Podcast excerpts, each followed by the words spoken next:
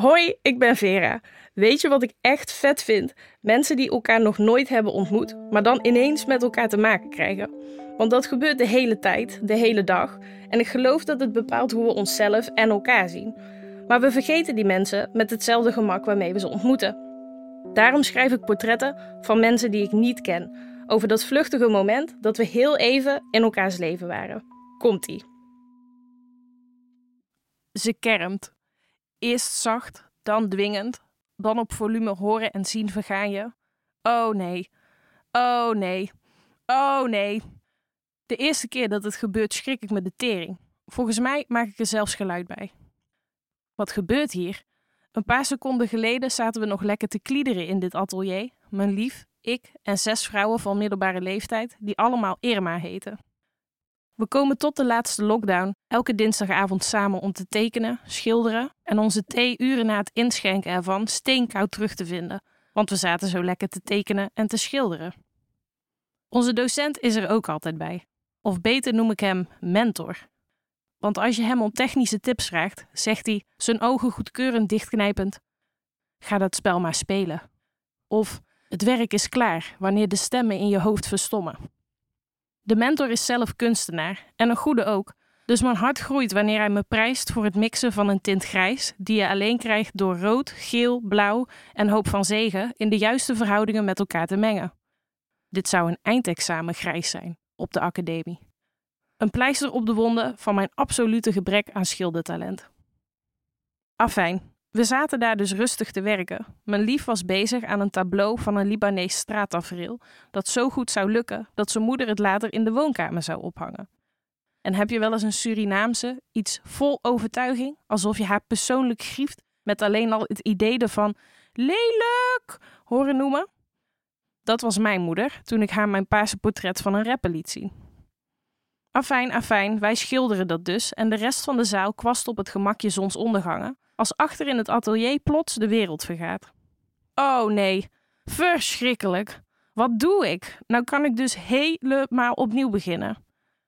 Irma, achter in het atelier, ze draagt altijd een schort over haar kleren heen tegen de verfspatten, maar daar draagt ze dan weer een sjaaltje overheen, heeft haar schilderij naar eigen zeggen totaal verpest. Wat heeft ze in godsnaam gedaan? De mentor snelt naar haar toe. Met zijn vingers om zijn kin gevouwen inspecteert hij bezorgd haar werk, grasveld op een zonnige dag.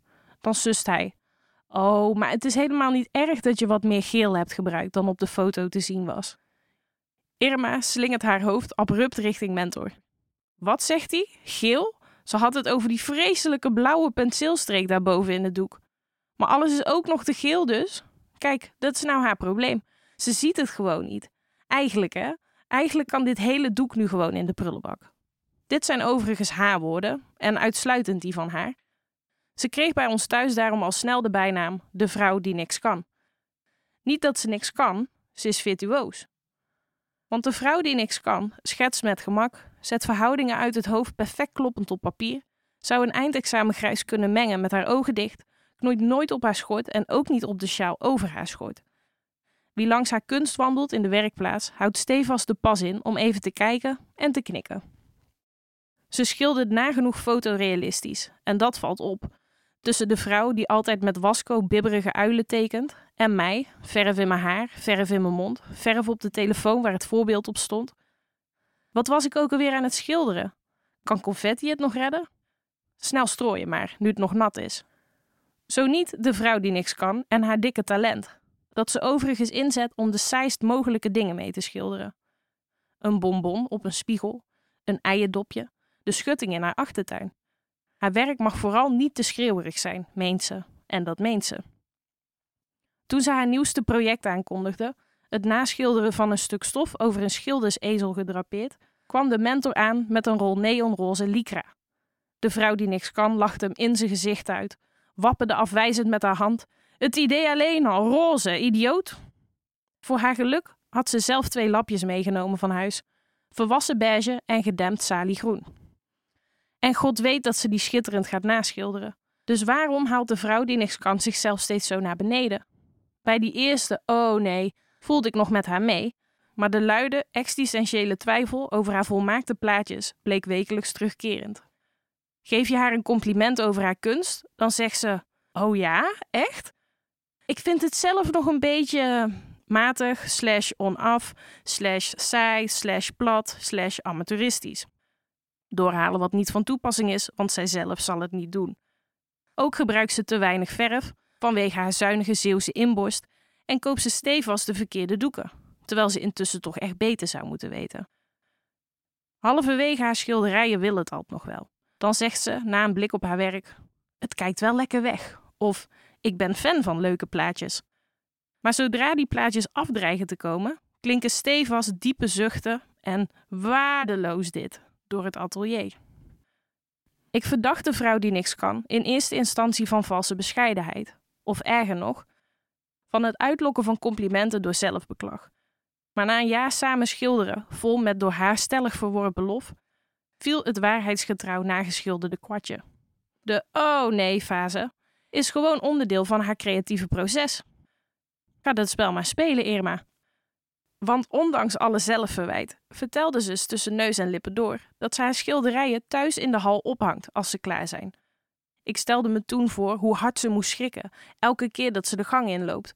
Hoe ze vervolgens met haar tot kommetjes gevouwen handen haar ogen afschermt om van de keuken naar de woonkamer te kunnen lopen. Tot ik haar een keer in haar eentje naar haar werk zie kijken. De rest van de schilders is al naar huis. Ze denkt dat ik ook al weg ben, maar ik heb verf uit mijn oor staan wassen op het toilet. En verdomd, ze glimlacht. Misschien durft de trots pas wanneer ze alleen is en tegenover niemand kan ontkennen dat het goed is. De mentor heeft dat proces sneller doorzien dan ik. Dacht ik eerst nog, waarom help je deze vrouw nou nog verder over de zijk? Intussen zie ik dat zijn commentaar bewust altijd over iets anders gaat dan datgene waarover ze zelf al klaagt. Hij leidt haar af, van zichzelf. De laatste keer dat we elkaar zagen, was de vrouw die niks kan bijna klaar met een schilderij van de kip van een vriendin. Het was mismaakt, alsof ze nooit eerder een kwast had vastgehouden. Gekke werk om er überhaupt aan door te werken, zo walgelijk. Dus ik denk dat het inmiddels boven haar bed hangt. Genoten van dit verhaal? Op de correspondent vind je al mijn andere ontmoetingen. Het zijn er een stuk of honderd, dus je kan je lol op. Ben je nog geen lid van de correspondent? Ga dan naar decorrespondent.nl slash wordlid. Houdoe!